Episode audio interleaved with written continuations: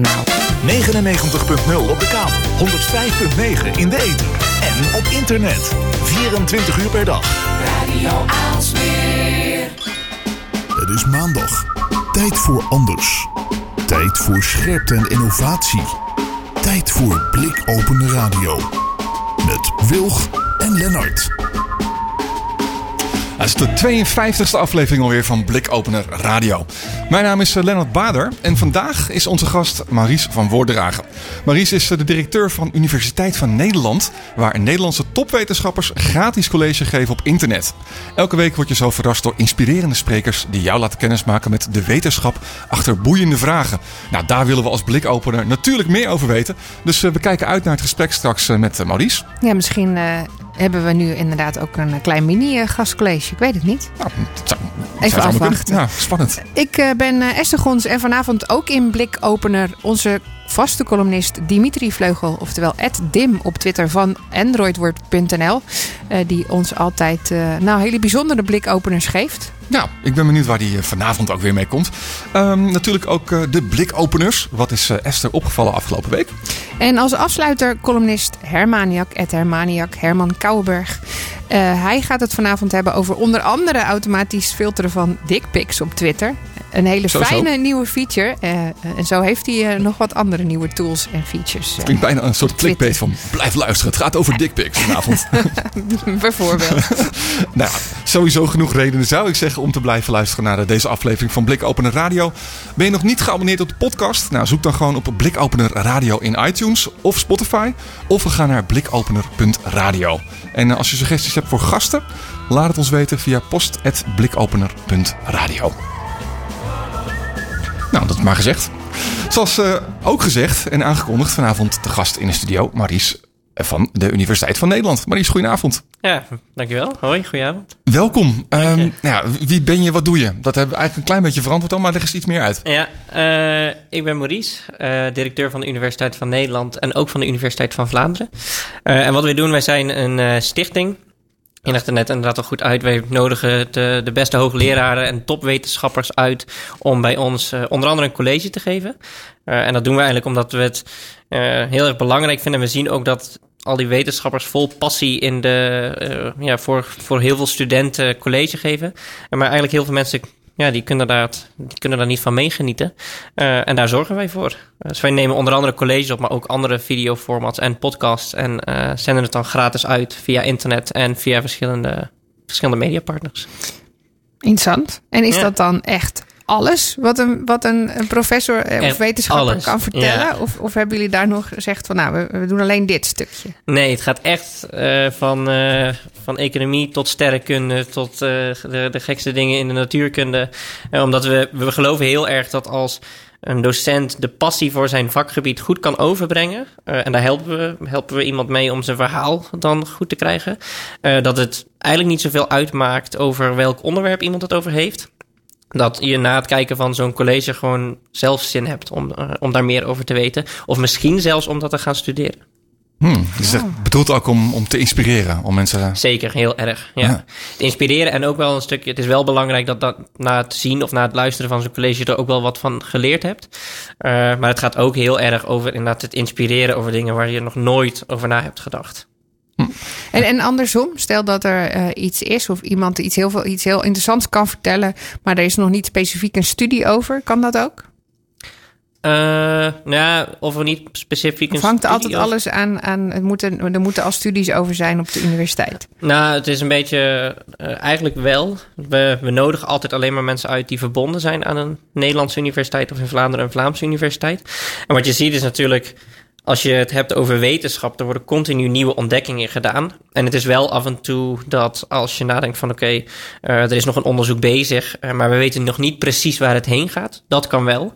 Uh, maar er moet wel iets van onderzoek zijn gedaan of uh, wetenschappelijke achtergrond mag, mag het op ons podium komen, om het zo maar te Ja. zeggen. Nou ja, maar ik dacht misschien kan ik een leuk gastcollege geven. Ja, dan ben je universiteitsdocent. Ja, nee, uh, Ja. hogeschool. Oh, Ik heb wel discussies universitair, maar die durven nog niet zo ver te gaan. Hm. Dus, uh, maar goed, Nou, dat was even een sidetrack. Ja. spannend. Maar um, misschien even goed om uh, eerst helemaal terug te gaan naar het begin. Hoe, hoe is dit ontstaan? Eh, het is opgericht door Alexander Klupping en Marta Blankenstein. Dat zijn dezelfde oprichters die ook eh Blendel op hebben gericht. Eh, en eh, die, die zaten echt met eh, de gedachte van... hé, hey, waarom zijn er zoveel docenten die alleen maar voor de klas staan... en kunnen wij als Nederland daar niet voor mee aan genieten? Toen hebben we gezegd van oké, we gaan het gewoon proberen. We nodigen de allerbeste hoogleraren uit. We slepen ze mee naar, naar Club R, zetten ze op het podium... en nemen daar video's van op. En eigenlijk is dat toen binnen, ja, binnen een jaar werd dat opgepikt door, eh, door mediapartners zoals eh, op, op de NTR waren de colleges gezien. We hebben een tijdje met Ziggo samengewerkt. Met het AD werken we nu samen. Eh, dat, dat het, ja, het werd van een hobbyprojectje, werd in één keer veel groter. En zagen we van, hey, hier is echt veel, veel vraag naar. Eh, en toen zijn we het aan, eh, gaan uitbouwen. Eh, dus we hebben nu inmiddels zes jaar bestaat het in, in Nederland. Drie jaar geleden hebben we ook de Universiteit van Vlaanderen opgericht. En waar we nu, vooral mee bezig zijn, is om te kijken van oké, we die colleges die, die maken heel goed. En dat gaat heel goed en dat blijven we ook doen. Maar er zijn nog veel meer andere manieren waar we ook mensen mee kunnen inspireren met de wetenschap. En dan kun je nadenken uit Bijvoorbeeld, uh, we hebben nu een, uh, een podcast die, uh, die we aan het doorontwikkelen zijn. Maar we hebben ook wat we samen met, met het AD doen, is een, is een ander format. Dat heet Wat zegt de wetenschap? En dat zijn een heel ander format waarin we in drie minuten een wetenschapper vragen om context bij het nieuws te geven. Dus bijvoorbeeld, we hebben een video vandaag online gezet over het coronavirus. Van hey, hoe ontstaat zo'n virus nu? Wat we daarbij zien is dat we weer een hele andere uh, doelgroep uh, daarmee bereiken. Omdat het juist in drie minuten is. Is oké, okay, vertel me. Er, er, komt in de media zoveel voorbij over iets als het coronavirus of het stikstofprobleem. Of nou, noem het maar op. Maar vertel me nu eens gewoon wat dat is. Duiding. Ja. Duiding, ja. ja. Maar je, je, noemt nu ook drie minuten. Hè? Een gemiddeld college is natuurlijk veel langer. En een college bij jullie is al korter. Hoe, ja. hoe zit dat? Uh, college bij ons zijn 15 minuten. Ja. en dat doen we eigenlijk expres omdat uh, we willen altijd zorgen dat een college begint met een pakkende vraag. Dus die vraag moet spannend zijn. Dat is ook heel simpel, omdat je daar mensen mee uh, ja, binnentrekt of inspireert om te, om te klikken. Je staat op YouTube toch naast, uh, naast de kattenfilmpjes, om het zo te zeggen. dus dan krijg je dingen als waarom vernietigt uh, vanillevla je hersens? Precies, ja, dat Toch is een mooi voorbeeld. Ja. ja, ja, dat is een mooi Was ik ook bij over. Ik vond het een leuk, leuk college. Dat was een, inderdaad een prikkelende vraag. Ja. ja. Ja, en wat het leuke is, is dat dan uh, je klikt op zo'n vraag, niet wetende dat dat überhaupt misschien een wetenschappelijk college is. En dan neem je dus mensen mee in ook wat, wat voor een studie zit daarachter. En waar, waarom weten we dit en wat weten we misschien ook nog niet. En dat is natuurlijk super interessant. De reden waarom we 15 minuten nu doen, is omdat we zien 15 minuten is een soort van max om iemand uh, ja, de, de, de spanningsboog hoog te houden. Ja. Uh, die drie minuten, dat is echt uh, veel meer op de actualiteit en ook ingespeeld op hoe mensen nieuwsmedia consumeren. Dat is heel veel sneller. Het gaat van oké, okay, ik wil meteen eigenlijk het antwoord, antwoord weten. en dat zien we ook nog wel een beetje terug in de colleges die we maken. En wat we daar bijvoorbeeld zien is dat uh, die college zijn 15 minuten, maar als we de conclusie of de antwoord op het vraag in de eerste drie minuten geven, dan blijven er meer mensen daarnaar kijken omdat ze wel willen weten. Oké, okay, maar nu weet ik wel het antwoord op de vraag, maar ik wil ook weten hoe dat komt. Uh, dan dat je een hele lange opbouw hebt van 14 minuten en dan in de laatste minuut de conclusie doet, dan denken mensen toch al gauw van. Nou, uh, oh. ik heb hier geen tijd voor. Dat, dat is interessant. Wel, ja. dat, is dus, dat is dus eigenlijk ook waar jullie dan die hoogleraren of de, jullie, jullie docenten zeg maar mee helpen. Ja, daar traint onze redactie. Dat is echt inderdaad het verhaal van oké. Okay, ja? Kijk, een hoogleraar is natuurlijk ook gewoon gewend om een uur of twee uur of ja. uh, en dan vaak iedere maar week. Gaan, ja, ja om maar los te. En die is van ja, nu heb je 15 minuten. En dat is dan van ook. En helpen jullie ze dan ook met taal? Want ik kan me voorstellen dat zo'n, ja. zo'n ja, wat is het, professor toch in zijn eigen vaktaal spreekt. Ja, heel veel. Dan krijg ik ja. dat ook wel heel vaak naar mijn hoofd. Maar dat ja. kan me voorstellen dat dat misschien dan nog meer. Uh, ja. Nou, het is zelfs zo. Dat is altijd van zo'n voorgesprek met een, met een spreker is vaak. Ja, oké, okay, nee, dit snap ik niet. En de, deze term snap ik ook niet. En dat kan best tien keer gebeuren in een voorgesprek. Maar het is ook wel leuk om dan te zien hoe iemand daarop reageert. Die natuurlijk altijd juist in zijn vakgebied zit van, oh ja, ik moet echt gaan nadenken dat de woorden die ik gebruik voor mezelf zo zelfsprekend zijn. Maar heel veel mensen kennen die helemaal niet. Nee, uh, dus... Zeker niet als het wetenschappelijk is. Nee. En dus... je wil het voor een toegankelijk toegankelijk maken voor een breed publiek natuurlijk dan. Ja. Ja, nou ja, we zeggen ook wel eens... eigenlijk moet je het zo kunnen uitleggen dat een negenjarige het snapt. En dan, dan kun je het dus echt goed uitleggen. Eh, nu is ons publiek niet per se negenjarige... maar het is meer een soort metafoor van... eh, zo simpel mag het zijn. En, en daar helpen jullie die mensen ook mee, die gastcolleges geven. Maar ze moeten het uiteindelijk wel zelf eh, de story vertellen. Ja, ze, dus we helpen ze met de verhaallijn. We helpen ze met hoe eh, ja, de opbouw van het verhaal. Alle moeilijke taal halen we weg. We helpen ze ook om eh, animaties, zowel op het scherm of eh, in de nabewerking. een soort bijna AR is het wat je nog ziet. Alleen uiteindelijk staat natuurlijk wel iemand zelf op het podium. Dus nodigen ze ook wel uit ruim van tevoren om een keer te voelen: oké, hoe, hoe voelt het nu om op een podium te staan? We nemen dit, up, eh, we nemen dit op in eh, Club Air in Amsterdam. Ja, en dan staan er in één keer eh, zeven camera's op je gericht met publiek en applaus en een, een stoere stem die, die je aankondigt. Nou, ga er maar aan staan. dat, is, Ja, dat is best een hele andere koek dan een collegezaal zou ik ja zeggen. zeker weten. Van waar de keuze om, om het in, in zo'n club op te nemen? Nou, echt om het gevoel te krijgen van we halen dus echt die hoogleraren uit de universiteiten. Eh, en we willen een jong publiek aanspreken. En nou, een nachtclub en een jong publiek, dat is wel een lekkere match. Ja. Eh, en ja, op die manier is het zo gegroeid. En dat, eh, dat werkt eigenlijk wel heel goed. Het is totaal eh, tegenovergestelde van een collegezaal misschien. Misschien is dat juist dat uiterste juist wel goed. Ja, en het is dus wel leuk om op een plek waar normaal mensen staan te feesten. Eh, dat ze dan eh, niet in de rij staan om de club binnen te komen, maar om naar een hoogleraar te komen kijken. Hey, en eh, je zei net ook al, nou inmiddels hebben we ook de Universiteit van Vlaanderen.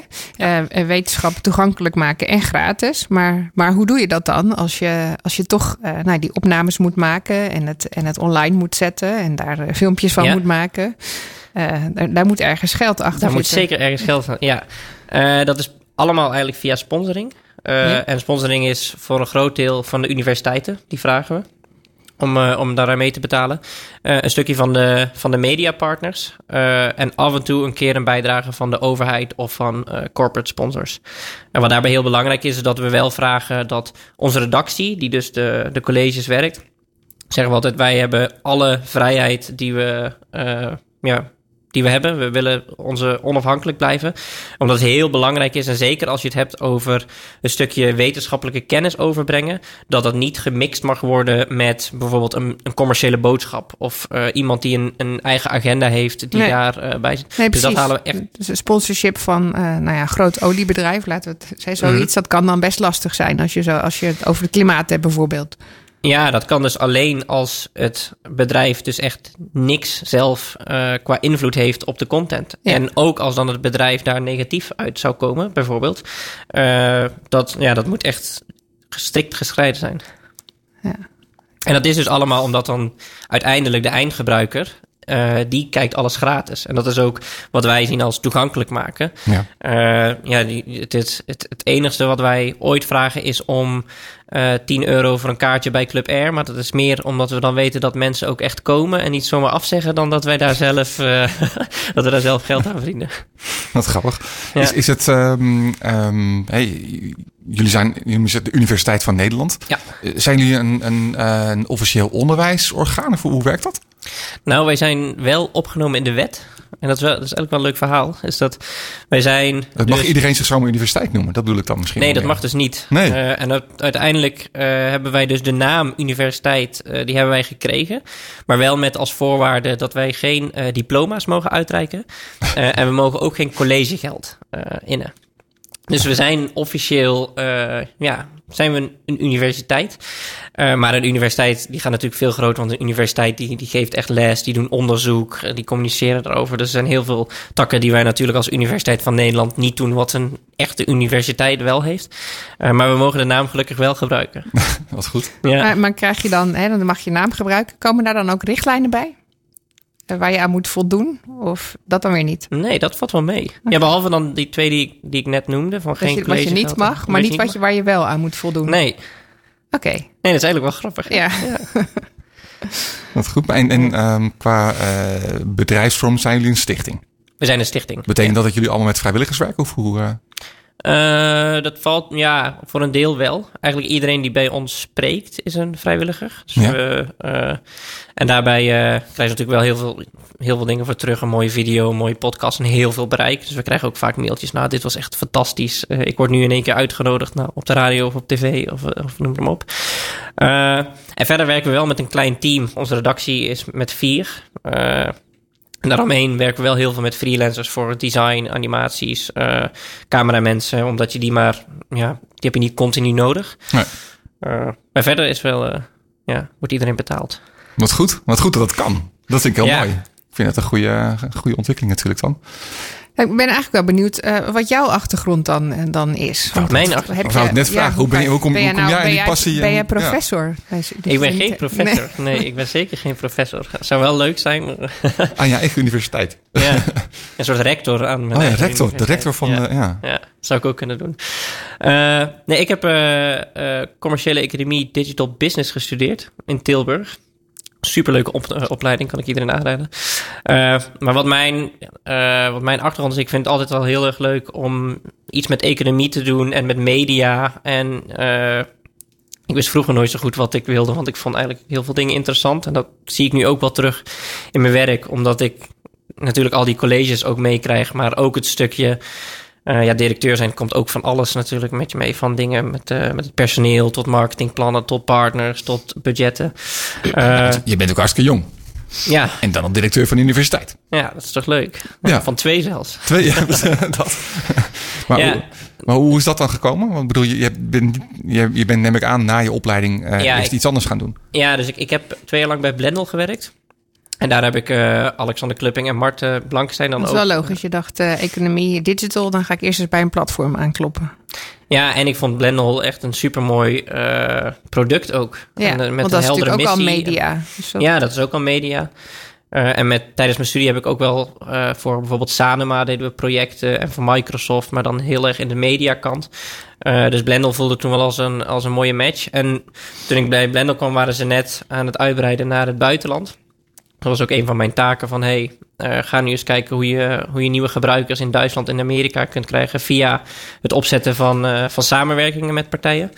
Eh, en eigenlijk toen ik daar werkte, toen werd de Universiteit van Nederland steeds groter en groter en groter. En heb ik ook al af en toe een keer in de avonduurtjes wat geholpen.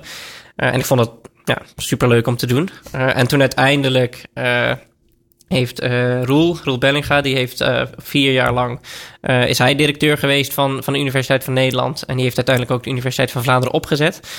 Die heeft het echt van, ja, zeg maar van hobbyprojectje tot volwaardige stichting gemaakt. En toen ging hij op een gegeven moment zijn eigen bedrijf, PNP Media, oprichten. En toen zocht hij een nieuwe, een nieuwe directeur.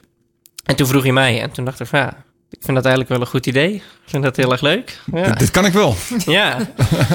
ja, dat is natuurlijk wel spannend, maar wel ja, superleuke stap. En eh, ik, ja, ik vind het alleen nog maar leuker worden iedere dag. Dus wat dat betreft, eh hele goede keuze geweest. Is goed. En het, als je zegt van nou, ik wist niet precies vroeger wat ik, eh, hè, wat ik wilde gaan doen. Je krijgt natuurlijk nu zoveel kennis ook. Doordat je, neem ik aan, alle colleges er- erbij bent. Het eh, meedoet ook aan het eh, redactiewerk, neem ik aan, van tevoren.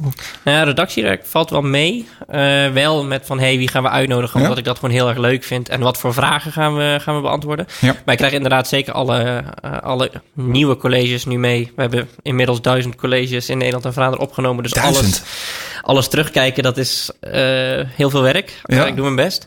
Eh, maar het, het mooie daarvan is, het, het is zo divers. En ook op zo'n avond kun je van tevoren nog even met de hoogleraren praten. Van, en dan je ziet het op het podium zie je terug, maar als je daarnaast gaat zeggen van oké, wat is nu echt wat je zo motiveert om hier eh, om heel de dag onderzoek te doen naar eh, mieren bijvoorbeeld. Mhm. Nou ja, dat is super leuk, is super interessant om, om dat te weten. Je hebt eigenlijk altijd te maken met gepassioneerde mensen dus.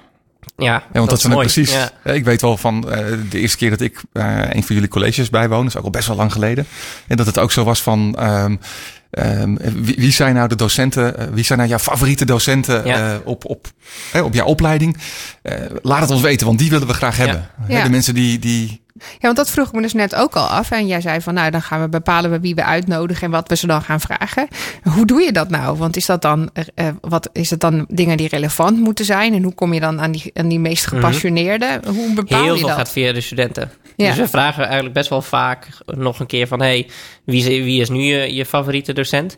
Eh, soms is het wel een onderwerp als we denken van... hey, dit onderwerp hebben we nog niet gehad bijvoorbeeld... dan, eh, dan gaan, we, gaan we op die manier kijken. Eh, en het is ook wel gewoon een beetje scouten, zou je het bijna kunnen noemen. Eh, er zijn best wel veel andere plekken ook... waar, eh, waar hoogleraar of wetenschappers eh, naar evenementen gaan... of zelf op YouTube filmpjes opduiken... of nou, ik noem, ik noem het maar op... Uh, maar ik denk het meeste komt wel van de studenten, want die hebben natuurlijk het, ja, die krijgen echt iemand uh, tijdens, een, tijdens het college geven In- in het de wild. passie mee. Ja, in het wild, ja. Ja.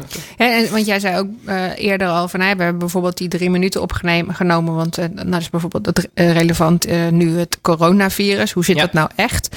Eh, ga je dan wel echt op zoek naar mensen die daar meer over Ja. weten? Als, het, als je Ja. denkt van, nou, dit is nu zo relevant in de media, daar moeten we iets mee. Ja, dus dit is, uh, hierbij werken we ook echt samen met, met het AD.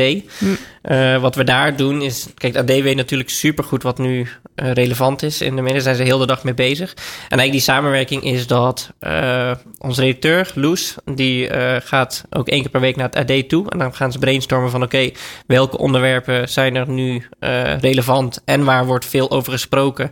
Maar wordt het nog niet altijd even goed uitgelegd wat het nu precies echt is. Uh, en die onderwerpen, die uh, neemt Loes dan mee om vervolgens zelf echt te gaan kijken van oké, okay, wie kunnen we hier nu uh, niet voor vinden. En dat kan dan over 5G gaan of over stikstofprobleem of inderdaad coronavirus.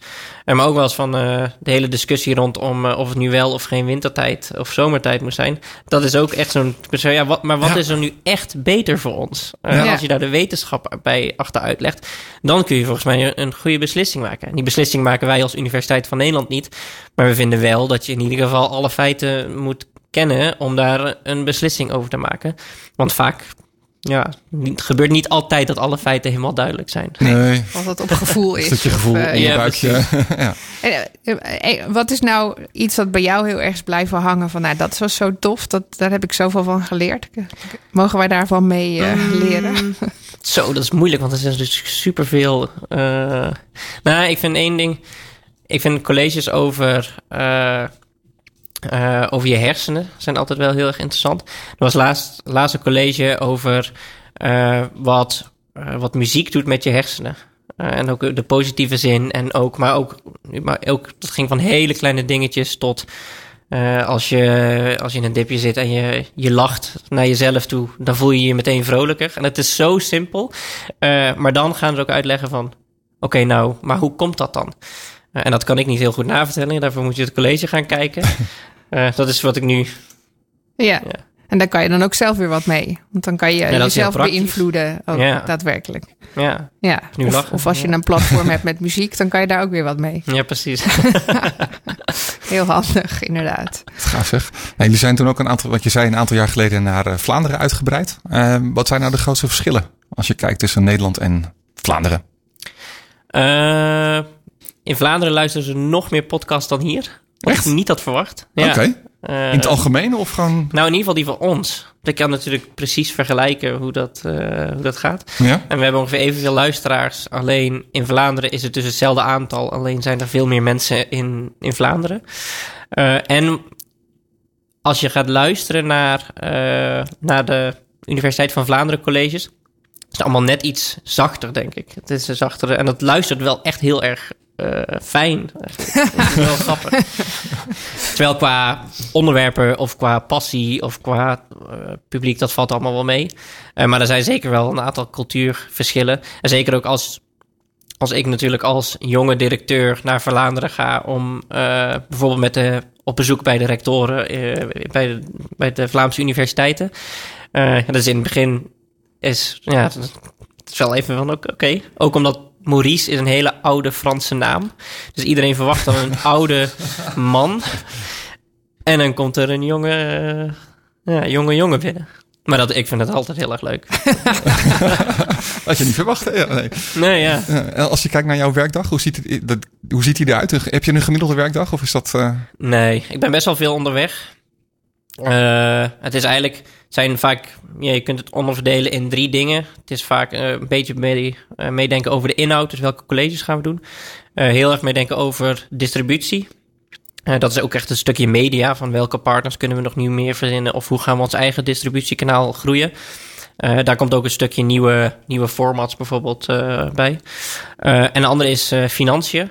Maar dat loopt echt allemaal door elkaar. Dat is, eh, en dat vind ik eigenlijk ook wel heel erg leuk. Mhm. Eh, en het is gewoon ook best wel veel beslissingen maken op een dag. En daar word je steeds beter in. Eh, maar dat vind ik ook, ja, ook dat is heel erg leuk. En we hebben gewoon een heel gepassioneerd team die ook echt goed weten wat ze doen. Dus die helpen mij ook met heel veel dingen. Want ja, in mijn eentje kan ik dat ook niet allemaal, niet allemaal doen. Blijft natuurlijk teamwork. Ja. Ja, tuurlijk, het blijft 100% teamwork. Ja.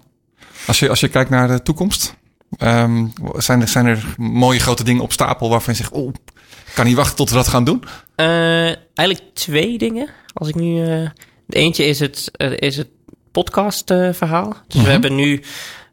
zijn we echt actief aan het inzetten om die podcast nog verder te laten groeien. Omdat we zien, er wordt al veel naar geluisterd. Er zijn 250.000 beluisterde podcasts per maand. Serieus veel? Dat is, ja, dat is een lekker, eh, lekker aantal. ja. En het is zelfs zo dat dus nu is mensen... bijna zo goed als blikopener. Oh nee. Eh, en we hebben dus nu ook mensen die naar de video-opnames komen, die ons kennen van de podcast. En ik vind dat heel erg leuk.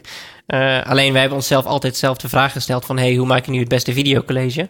Eh maar nog nooit, hoe maak je nu het beste audiocollege? En dat is natuurlijk iets heel anders met geluidsfragmentjes... of eh, tussendoor even inhaken, dat kan allemaal. Eh, dus dat zijn we aan het doen. Eh, een andere Dus, deel... dus je bewerkt eigenlijk dan het videocollege na, zodat het voor audio geschikt is. Ja, dus we Dat nemen idee. een... dat doen we nu, ja. Dus Mhm. we- nemen een introotje op en een outrootje. En soms knippen we iets weg als van... nou, kijk hier naar die presentatie.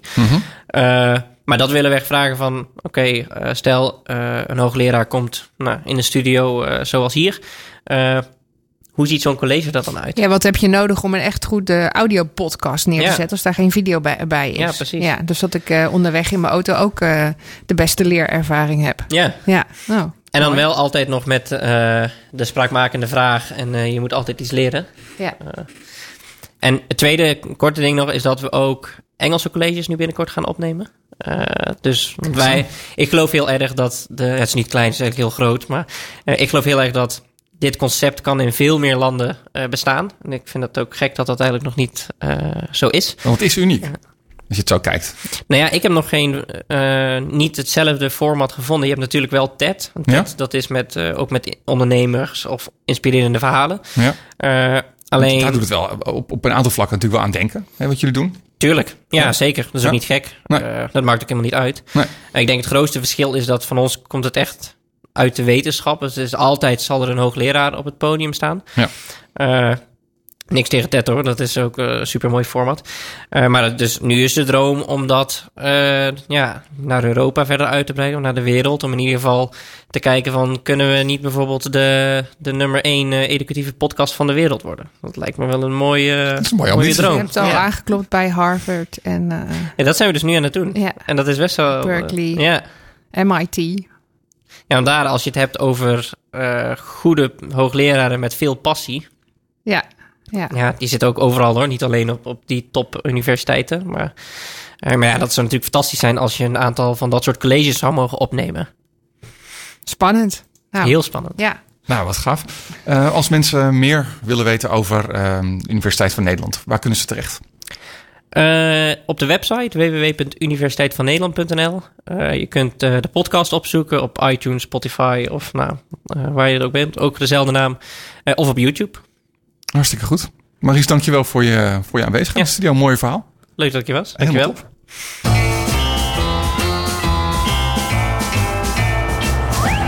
Blikopener Radio.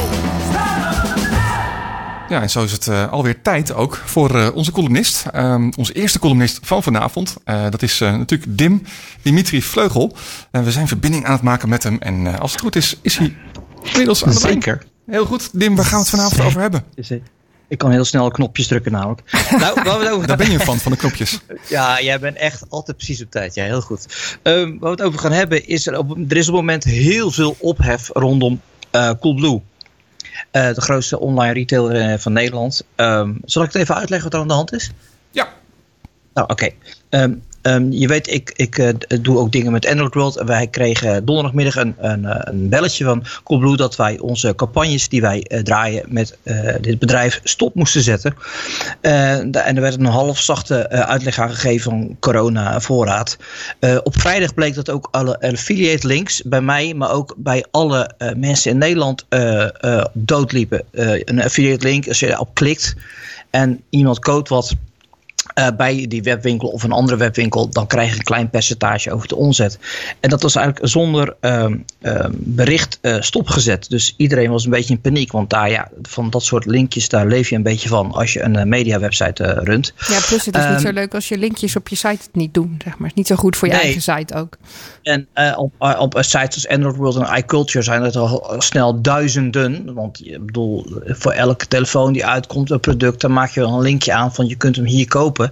En, eh, en dat is natuurlijk niet leuk als mensen op klikken en dat eindigt op een 404, eh, wat gewoon slordig staat, alsof je je website niet goed onderhoudt. Eh, maar wat, wat vooral vervelend was, is dat er gewoon geen uitleg kwam. En dat, ja, weet je, je kent iedereen, dus je gaat met elkaar bellen. ik Nou, zag deze ook op heel veel op Twitter voorbij komen van mensen die in paniek waren over hun. Nou ja, het was, trending, het was trending topic vandaag. En het werd steeds erger. Ehm, ehm, en er kwamen ook allerlei ehm, ehm, eh, complottheorieën voorbij. Ik heb ze even opgeschreven. Nou, de eerste was inderdaad corona. Maar de tweede was overname door Amazon.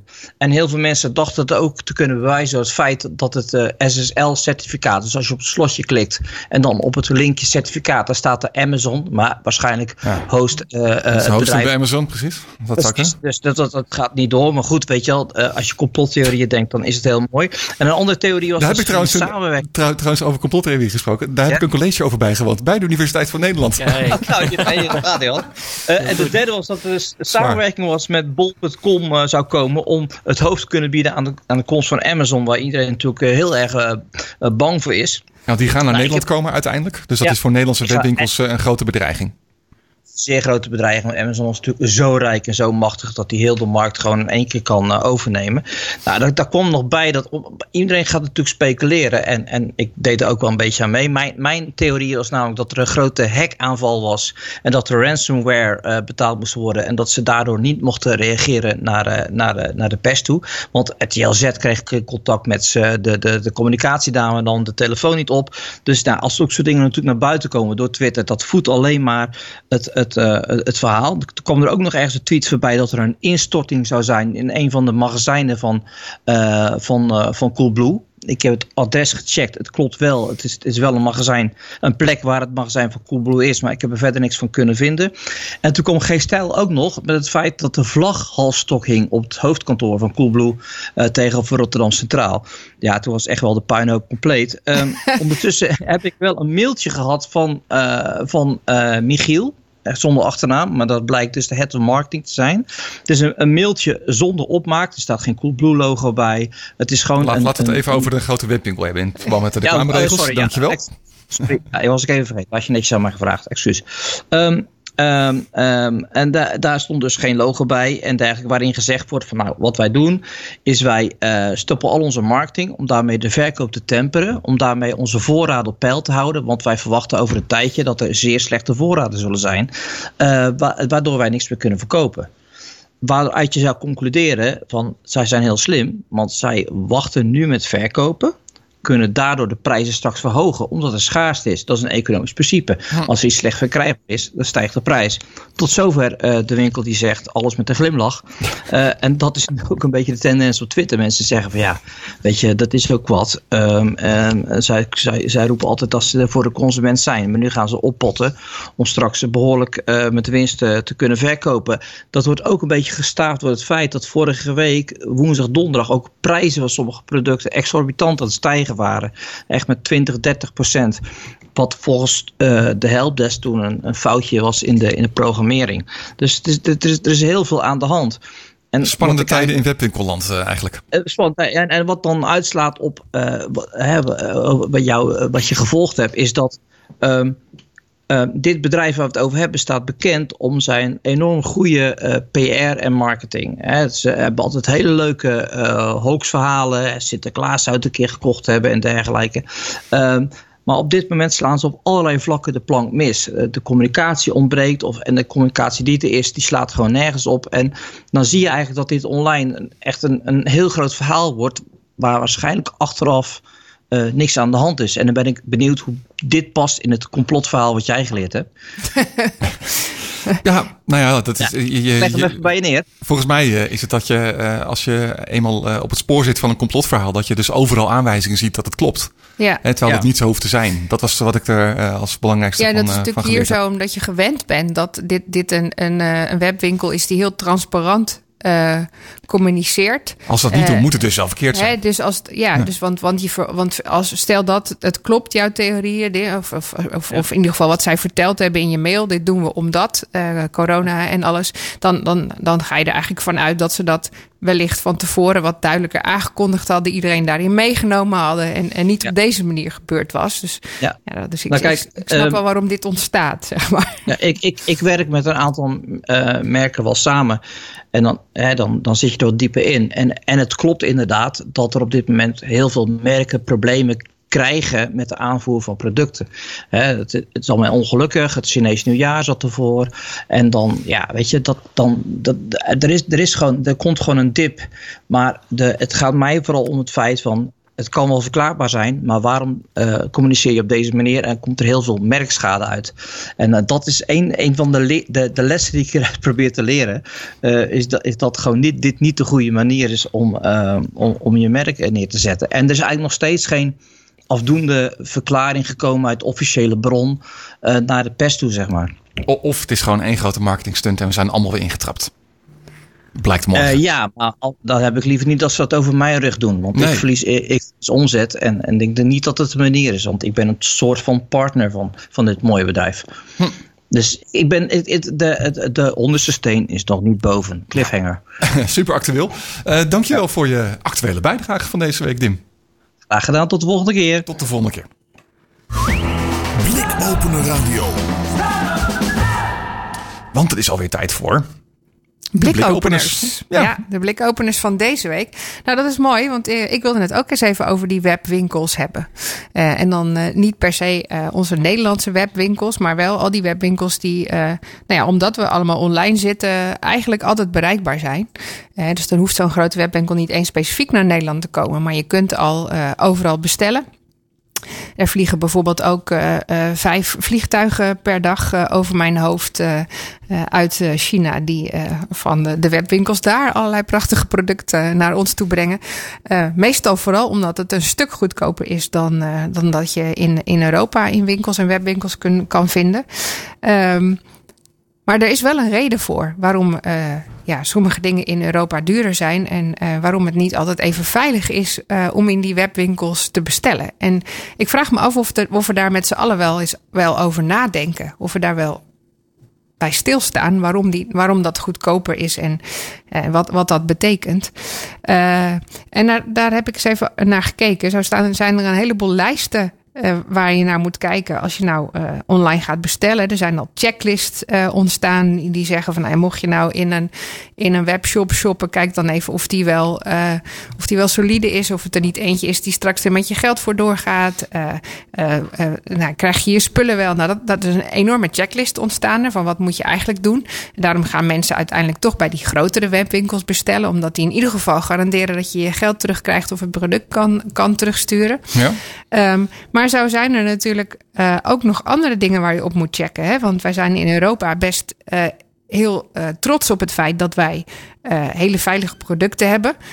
beter onderhandelen met, met grote bedrijven over giftige stoffen. zo zijn we heel erg tegen, ja, tegen bijvoorbeeld nou ja, er was laatst uh, het, uh, het handelsakkoord met Canada, waar mensen op hun achterste benen staan, omdat er dan wellicht producten toegelaten worden die stofjes bevatten die in Europa niet toegestaan zijn. Maar alles wat je via die buitenlandse webwinkels bestelt, zijn niet volgens die Europese regelgeving gekeurd. Nee. En daar staat niet iedereen bij stil. Dus daar, daar, daar kunnen best wel dingen misgaan. Uh, zo zijn er bij de Chinese webwinkels al hele slimme mensen die daar uh, in plaats van je hebt het logo, hè? ik weet niet of je dat kent. Dat heet. Cert- Certificé Européen. Hè? Dus Ja. dat je gekeurd bent volgens de Europese regelgeving op een heleboel giftige stoffen, op een heleboel dingen waar, waarbij dachten hebben, nou, we willen dat onze kinderen deze veiligheidsregels hebben en we willen dat eh, andere dingen deze veiligheidsregels hebben.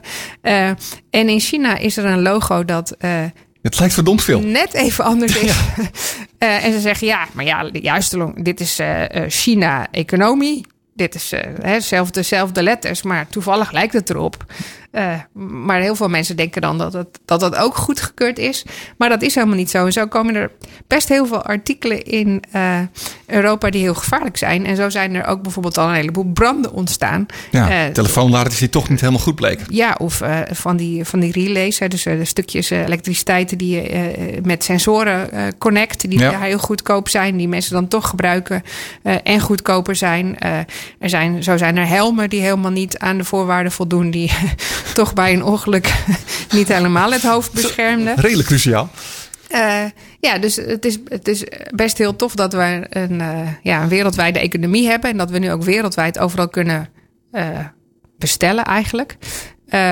Maar als wij wel de ei, of in ieder geval verwachten dat, dat we bepaalde standaarden hebben. die we in Europa ook opgesteld hebben. maar waar we heel trots op zijn als, als, als handelsmacht. Misschien moeten we dat dan ook toepassen als we zelf online ergens iets bestellen. En daar eens even over nadenken. Wat Ja. betekent dat precies? Het is, het is natuurlijk een beetje een kwestie van gezond verstand.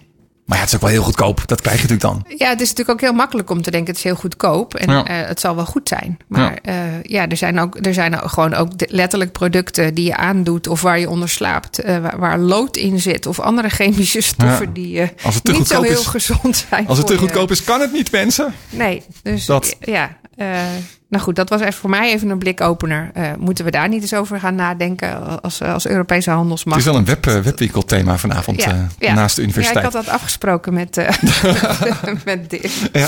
Nee, en eh, zo heeft de Europese Unie ook een campagne eh, die daar dus ook op wijst. Eh, er is ook een zogenaamd Rapid Alert System. Mocht je een product hebben besteld ergens online of eh, van een webwinkel weten, dan kun je dat daar ook ooit ook aangeven bij de Europese Unie. En dat weten veel mensen niet, want heel veel dingen die de Europese Unie doet, worden een beetje ondergesneeuwd door de marketing is iets minder goed. doen. ja, precies. Eh. Maar dat, dat is er wel. Dus dat is best goed om daar eh, een keertje naar te kijken. Ja. Ehm, nou, verder had ik... eh, wat ik heel leuk vind is... nou ja, goed... De, de grootste steentjesbouwer van... hoe noemen we dat? Lego. Lego. Ja. Die heeft een... ehm, een, een, een, een nieuwe doos gelanceerd. En Ze doen dat heel vaak in samenwerking met Disney of met, eh, met, eh, met een ander mediabedrijf. Van nou, dan doen we Frozen poppetjes of we doen Marvel poppetjes. En nu in dit geval hebben ze gezegd: als we nou eh, met z'n allen wat willen doen aan het klimaat en er anders naar kijken, moeten we dan niet bij het begin beginnen en al die eh, makers die al op een vierde of vijfde of zesde levensjaar maker worden, daarin ook begeleiden. Dus hebben ze nu met de grootste windmolenbouwer een, eh, eh, een Lego windmolen gemaakt waar ook echt een dynamo in zit die eh, als je de windmolen aandoet opwekt, zodat de buitenlampjes in je boshutje ook echt gaan Mooi. branden. Dus Mooi. dat is echt super mooi. en daar zitten ook al eh, de, de eerste ehm, ja, milieuvriendelijke plastic boompjes in. Lego heeft twee jaar geleden, een jaar geleden aangekondigd dat ze gaan beginnen met eh, plastic maken van restanten van eh, suikerriet. Dat dan eh, milieuvriendelijk is. Maar de productie kunnen ze niet in één keer opgeschalen. Dus hadden ze bedacht, weet je wat? Dan beginnen we met alle groene elementen. Dus al onze boompjes, onze grasprietjes, Die worden onze ook bloemetjes. groen. Die gaan we ook, daar gaan we mee beginnen om groen te maken. En nou ja, die zitten dus ook in deze windmolendoos. Interesting. Vind je niet? Ja, Ja. ik, ik, eh, ik vond het zeker eh, interesting. Ehm, nou goed, ik had ook eh, de Nederlandse webwimpel even meegenomen. Maar daar hebben we inmiddels Dim al over gesproken. Ja. Ik, ik zag een hele leuk in de, in de filters van Sanne ook. En het ging over een, ehm, een, een, een autoverhuurbedrijf in, in Californië. Dat ehm, auto's aanbiedt, zeg maar helemaal via een app. Dus die auto, je hebt geen sleutel meer, je, hoeft geen moeilijke procedure door als je die auto op komt halen. Die staat gewoon ergens. En via een app kun je die dan open doen, eh, gaan rijden ermee, et cetera, et cetera. Ehm, nou, dat ging op zich best goed. Hè. Dus iemand had dat gehuurd. Alleen die ging in Californië uh, een stuk rijden langs de kust. En op een gegeven moment ja, had hij geen, had hij, had hij geen, had hij geen bereik meer met hun mobiele telefoon. En die auto die bleek achteraf, die moet om de 24 uur of iets, moet hij zeg maar uh, contact hebben met thuisfront om een nieuwe update of checks of whatever te doen. Dus ze konden die auto helemaal niet meer in. Dus dat was een stukje techniek wat nogal doorgeslagen was, zeg maar, de verkeerde kant op. Hè? Want ze stonden daar en er moesten echt vier sleepauto's uh, aan te pas komen. Want de eerste keer dat ze weggesleept werden ergens heen. Nou, heel verhaal. Het staat in de nieuwsbrief van Sanne. Uh, uh, door mijn filters. aflevering 199 of editie 199. Precies, is alles wat, wat online connected is wel... Dat, is, wel, dat was een beetje de moraal van het verhaal. Weet je? wel? Van, is dat dan wel zo goed? Want dit was wel echt een gevalletje van ja, dat kon niet. En die mensen, ja, dat, die, het was een drama. Oh, dat is... uh, ja. Stonden langs de weg letterlijk en moesten worden weggesleept naar een plek. En op een gegeven moment naar vier sleepauto's, omdat ze steeds weer ergens anders heen moesten. En doen werkt het allemaal. Niet per se handiger om dan connected te zijn. Nee. Uh, wat ik ook nog had is, en daar wilde ik eigenlijk Dim over vragen, maar die is inmiddels niet meer online, geloof nee. ik. Is. Um, nou ja, dat grote Chinese merk uh, Huawei, met wat, met van alles uitkomt. En, en nu ook uh, geboycott wordt als het gaat om, om 5G bijvoorbeeld. Maar die is wel met een Franse fabrikant in zee gegaan. Omdat zij zeggen, ja, wij willen ook gewoon een speaker hebben. Net als al die andere mensen die een speaker hebben. het bijzondere is dat dat Franse merk, dat ze, waar ze nu mee partneren al eerder met speakers uitgekomen is. En ook uh, een partner heeft van, uh, van, uh, partner is van Jay-Z. Jullie, jullie kennen Jay-Z wel, de, de, de artiest. Oh ja, die. Ja. en, en de speakers die, die daarvan uitkomen, die zijn vrij prijzig. dus ik ben wel benieuwd wat dat dan voor een soort speaker wordt. En met, met welke andere smart speakers die dan de concurrentie mee aangaat. Misschien weet, weet Tim dat. Een interessante move van Huawei. Oh jee. Oh jee. Oh. Wat wil je weten? Nou ja, ik had het even over de smart speaker van uh, Huawei. Uh, die toch met ja. wat andere dingen uh, moet komen nu, omdat ze op, op andere fronten ge, geboycott worden. Die met die Franse fabrikant in zee gaan nu om ook een smart speaker op de markt te brengen. samen met de artiest Jay-Z. Oké. Okay. Ja, ik denk daar weet jij vast vandaag? alles van. Want jij Ja, bent, en jullie eh, trekken mij dus gewoon zonder voorbereiding een uitzending binnen. En toevallig weet ik het niet zo. Wat is je vraag? Kom op. Nou, wat weet jij daarvan? En, en hoe, hoe zit uh, Huawei dan in smart speakers? Of uh, is dat het eerste wat ze dan op dat gebied doen? Nou, dat, uh, ik weet niet of ze vandaag iets. Ze hebben vandaag iets aangekondigd, maar ik weet niet of dat met smart speakers te maken had. Nee, volgens door- mij hebben vandaag hebben ze de, de Mate X aangekondigd. Dat is die, Ja. eh, die smartphone die, kan, die zo in kan klappen, maar dan geen Google features en services erop heeft zitten. Ja, en ze hebben een aantal matebooks aangekondigd. Ehm, maar wat ik wel weet dat ze een, een, een eigen soort van eh, eh, virtuele assistent hebben. Die draait alleen in China. Maar goed, dat heeft bijna elk merk, op dit moment. Dat, eh, Xiaomi heeft ook al zoiets en dergelijke. Dus zij zullen ook heus wel met smart, smart speakers komen. Ik heb er laatst wel iets van gelezen, maar dat is nog niet echt groot geworden. Omdat ja, eigenlijk Amazon en, en Google eh, nog de beste service hebben. En dus ook de beste verkopen van, eh, van dit soort eh, speakers hebben. Ja, hier staat dat ze samen met eh, eh, Franse audiospecialist Devialet in, of Devialet, ik heb geen idee hoe dat goed uitspreekt. Ja, En misschien ja. moeten we dat even Maries vragen, die doet dingen met. eh, nee, oké. Nee, mijn Frans is niet zo heel goed. Eh, en dat, eh, dat ze daarmee in Europa willen, willen gaan eh, uitrollen op de, op de speakermarkt. Ja, maar met, wat, met, met hun eigen virtuele assistent? Ja, Of- want het of- is, uit, uit, uiteraard heeft het nog geen eh, Google Assistant. Want ja, daar zijn, ze, Nee. daar zijn ze een beetje van geblokt, geloof ik. Ja, een Eh, beetje. Ja. Ja. en ze komen dus met hun eigen eh, assistent. En die heet Xiaoyi. Xiaoyi? Xiaoyi? Xiaoyi. Ik ben Nou. niet zo goed in Chinees ook. Ook al niet. Nee, maar dit, dit, dit is ook al, al nummer één reden waarom het niet gaat slagen. Omdat het weer een onuitspreek- een onuitspreekbare naam is. Net als Huawei of Huawei of hoe je het ook wil, eh, wil zeggen. Ja. Ehm, maar dit is, dit is een beetje het, hetzelfde probleem waar ze nu ook mee zitten met hun, ehm, met hun toestellen die niet meer op eh, eh, Google services mogen draaien. Dus ze mogen geen Gmail, geen Maps meer gebruiken. Ze moeten alles weer zelf gaan uitvinden. Waardoor eh, het, het betrouwbare stukje weg is eh, voor de consument. Dus wil je nu gaan battelen tegen eh, Amazon, Alexa en Google Assistant met iets wat waar ook nog een beetje een luchtje aan zit, hè, terecht of niet terecht. Ja, dat, dat is natuurlijk een, een, een, een missie die gewoon niet gaat slagen. Ehm, en ik heb nog nooit van die audioproducent gehoord. Dus dat helpt ook al niet echt. Ze hebben nu hele dure speakers van rond de 3000 dollar. Maar goed, ze, werken, Ja. het, ze schijnen wel samen te werken met, met de rapper Jay-Z. Nou, ik vind, Ja. het, eh, ik vind het gezegend. ik, vind, ik vind het prachtig, maar ik geloof er niet in. dus, Nou, heel dankjewel, voor, je, dankjewel je. voor je bijdrage. Ja. hoi. Ja. Nou, spannende dingen weer, Wilg. Ja, nou, dat was een beetje voor de blikopeners van eh, deze week. Eh, ondertussen schakelen we over naar eh, Ed Hermaniak, Herman Kouwenberg. die veel meer weet nou, wat er allemaal nieuw is in de socials, maar vooral op Twitter, denk ik, Herman. Ja, we gaan met Twitter aan de gang. En het eerste is iets wat ik zelf heel erg prettig vind. Er is nu een nieuwe manier om met Twitter threads om te gaan. Ah ja, de Voor draadjes. degene, ja, Kun je- eh, kun- voor kun je- degenen die Herman? niet weten. eh, Herman, zou je iets, ja. iets dichter bij je microfoon kunnen zitten, alsjeblieft? Het klinkt heel erg hol. Oké, dan schakel ik gewoon even. eh, oh, schakel ik gewoon even over van microfoon. Dan klinkt het denk ik beter. Ja, dan gaan we gewoon verder met de draadjes, eh, Herman. Ja, hallo. Ja, Ja, ja, nou, ja dit, veel dit beter. klinkt een stuk minder hol. Ga je bent gang. van de wc af. We gaan gewoon verder. Nee, ik zat gewoon op mijn kantoor, maar ik heb op de microfoon van mijn oortjes overgeschakeld in plaats van die van, die van mijn display. Eh, Twitter Threads dus. Eh, nou, Twitter Threads, eh, voor degenen die het nog niet wisten, is een manier waarop je eh, heel makkelijk eh, een langere tweets kunt maken. Als je, niet, niet zozeer om je, dat je geen 280 tekens, maar een tweet in meerdere onderdelen opdelen, eh, kun je, krijg je door steeds op het eh, plusje te klikken. Ja. Het nadeel daarvan is dat je daar eigenlijk van tevoren over moet nadenken. En dat je ze in één keer moest versturen. En daarna kon je er, ja, kon je er nog op reageren. Maar dan was het gewoon een reactie en dan was het geen aanvulling op je thread. Nou, vanaf nu is dat wel mogelijk.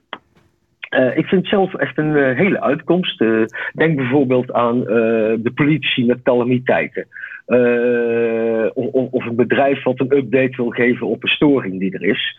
Nou, eh, eh, normaal gesproken klik je op het veertje voor een nieuwe tweet. Dan krijg je te zien wat houdt jou bezig. De truc is dat je dan even naar beneden moet trekken. Dus zoals je normaal gesproken op de timeline zou vernieuwen. En dan zie je daar een oudere tweet, je laatste tweet voorbij komen. En dan kun je zeggen, ga door met collectie. Ja. Maar eh, dan kun je dus die thread uitbreiden. Maar als je op die drie puntjes erna klikt, dan kun je dus kiezen uit al je tweets die je de afgelopen tijd verstuurd hebt. Ja, Dus ik ook vond- die van gisteren of van eergisteren. Ik deed dat per ongeluk. Ik vond het, ik, ik, eerst snapte ik niet zo goed waarom die vroeg: wil je dat deze toegevoegd wordt aan je draadje? Dus dat is eigenlijk wat Twitter dan vraagt. Hè? Wil je dat, de- dat je deze Ja. tweet die je nu maakt ook toevoegt aan het draadje wat je hier opgesteld hebt? Ehm, eh, maar eh, toen dacht ik, ja, eigenlijk is dat wel heel slim. Ik had niet gezien dat je dus ook kan kiezen uit wel, uit wel, aan welke tweet, andere tweet je het dan wilt toevoegen. Maar dat kan dus dat ook is, nog. dat is dus de, ja, via de puntjes. Zou je wel, eh, dus dan, dan zou je bijvoorbeeld een update kunnen geven op iets wat gisteren gebeurd is. eh, eh, of, of, of, een, eh, of, of een afsluiten. Als iets, nou, wat, wat ik bijvoorbeeld, ik heb het zelf een keer meegemaakt met een persoonlijke kennis van mij. Diens dochter was vermist. En daar hadden we Twitter voor ingezet om te kijken of mensen haar ergens gezien hadden. En dan kun je dus aan zo'n aan zo'n update, eh, of aan een tweet van een dag eerder of van een paar uur eerder, eh, kun je gewoon eh, toevoegen van ze is gevonden. Je kunt stoppen met zoeken of bellen. Of eh, het product is verkocht, of de aanbieding is afgelopen, de kaartjes zijn weg. En voor, even voor iedereen die het nog niet duidelijk is, hè, dat als je, als je een, een, ja, we noemen dat in het Nederlands een beetje een draadje maakt, en wat je dan Ah, krijgt is ja. een soort blauw lijntje die tussen de tweets die bij elkaar horen lopen en dan laat Twitter het ook aan je zien. Eh, in de volgorde van, nou, dit zijn tweets die bij elkaar horen. Eh, en als er één is waar iemand op reageert, dan kun jij ook heel makkelijk zien welke andere tweets daar dan nog bij horen. Ja, en eh, als voordeel is ook nog, hij wordt dus ook echt aan vastgeplakt. Dus als andere mensen een tweet in een draadje in zijn detail bekijken, om de hele draad in één keer te kunnen lezen, dan, dan krijg je dus ook dat voor boven de reacties ervan staat. Dus boven de eerste reactie. Nou, handig Ja, als je een grote webwinkel bent en je hebt wat uit te leggen, toch? Ja, eh, lijkt mij heel handig, ja. Nou, eh, er is eh, iets anders eh, en dat heeft eh, met misinformatie te maken. Twitter gaat 5 maart eh, zijn nieuwe policy over gemanipuleerde video's en afbeeldingen uitrollen en bekendmaken. En eh, daar zijn al screenshots van eh, verschenen. Eh, en dat, die worden visueel vrij in your face, als ik het zo mag uitdrukken. ze willen dat eh, de wisdom of the crowd gaan, willen ze gaan inzetten. Dus als, iets, eh, als iemand iets tweet wat eh, pertinent ontwaar is, onwaar is of waar, waar, waar, waar, aanvullende informatie over is, denk aan antivaxers, klimaatontkenners. En nou krijg ik een hele hoop mensen tegen me. Maar dat soort mensen, of, of als Boris Johnson weer zegt dat de zoveel miljoen vrijkomt voor de NRC. Wel, nou, d- d- dat soort tweets worden vaak als pertinente onwaarheden gelabeld. En dat ga je op Twitter dan heel duidelijk zien. Als het politieke tweets betreft, eh, door een heel groot rood eh, vlak, wat, of een rood-oranje vlak wat eronder komt te staan. En dan willen ze dus ons, roepen ze daarvoor op om daar eh, aan mee te helpen. Eh, ik heb geruchten gehoord dat je, eh, als je daaraan meehelpt, dus als je de, de informatie verbetert eh, of een tweet rapporteert en met de juiste bronnen erbij, dan kun je, een soort puntensysteem krijgen. Dus, en hoe meer punten je hebt, hoe geloofwaardiger jouw rapportages worden. Maar goed, als, het, als, het, hè, als wij daaraan mee gaan helpen, dan kan het er ook door ons gemanipuleerd worden. Of is dat weer een hele cynische gedachte? Dat is eh, in principe eh, een beetje cynisch, maar wel op waarheid gestoeld. en eh, ik, ik denk dat daar de wisdom of the crowd toch moet gaan werken. En dat, dat Twitter een hele mooie en niet benijdenswaardige taak heeft om daar als een soort scheidsrechter boven te gaan staan. Hmm. Ik ben, ik ben in het verleden ooit moderator geweest van een politiek forum. En ik werd voor neonazi uitgemaakt en voor linkse extremist. Dus ik denk dat ik het goed deed. ja, veel extremer kan het niet, eh, Herman. Nou, ik denk dat we het gewoon moeten Nee, gaan ervaren hoe, di- hoe dit soort dingen Ja. werken. Dit is ook iets wat we natuurlijk moeten Nou, gaan ik- ontdekken. En dan was nog Om iets, hè? toch om- bij Twitter te blijven, wil ik een eh, laatste eh, voor de vrolijke luisteraars die eh, last hebben van mensen die, die hun DM open hebben staan. Die kunnen via SafeDM, eh safedm.com, eh, kunnen ze een, een toeltje downloaden eh, waarbij eh dickpics uit hun DM's gehaald worden automatisch. Nou, dat is, dat is goed nieuws. Het is kennelijk nogal een probleem. Ja, Ik dat, was daar niet zo van op de hoogte, Nee. maar ik ben geen vrouw. ja de, de, Lennart vroeg zich af, zijn er dan Soms mannen? Of waarom doen mannen dat? Nou, waarom ze het doen, weet ik niet. Maar eh, het gebeurt nogal, ja. Ik kan me dat zo niet voorstellen. Nou, er was ook laatst een, een, eh, We hebben- een Twitter-dame die eh, zei... eh, ik heb daar wat op gevonden. Ik teken eh, die dik gewoon na en die stuur ik Ah, ze terug. Ja. En, en sommige mannen reageren dan ook heel nijdig. Dat ik denk, nou, je had hem zelf ook opgestuurd. Ik vind hem wel, ik vind hem wel melig zo. En ik vond, ik vond het leuke tekeningen. Ze Ja. lachten allemaal. Ja, ze werden best Ze leuk ervan. Alleen en die mannen die vroegen zich af, Best waarom lullig. stuur jij mij die? Dat ik dacht, ja, ja dat is het, precies het punt. Ja. Ja, Zo, mooi. Lennart Verkans had de gezichtjes. ja, nou, dat is een mooi teken. Herman, als mensen jou willen volgen, hoe doen ze dat? Echt Maniak. Hartstikke mooi. Herman, dankjewel voor je bijdrage. En eh, daarmee komt er weer een eind aan eh, deze aflevering van Blikopener. Maries, dankjewel voor je aanwezigheid. Eh, volgende week weer een leuke, nieuwe, interessante gast. Luister ook dan weer naar de Blikopener. Tot dan. Fijn.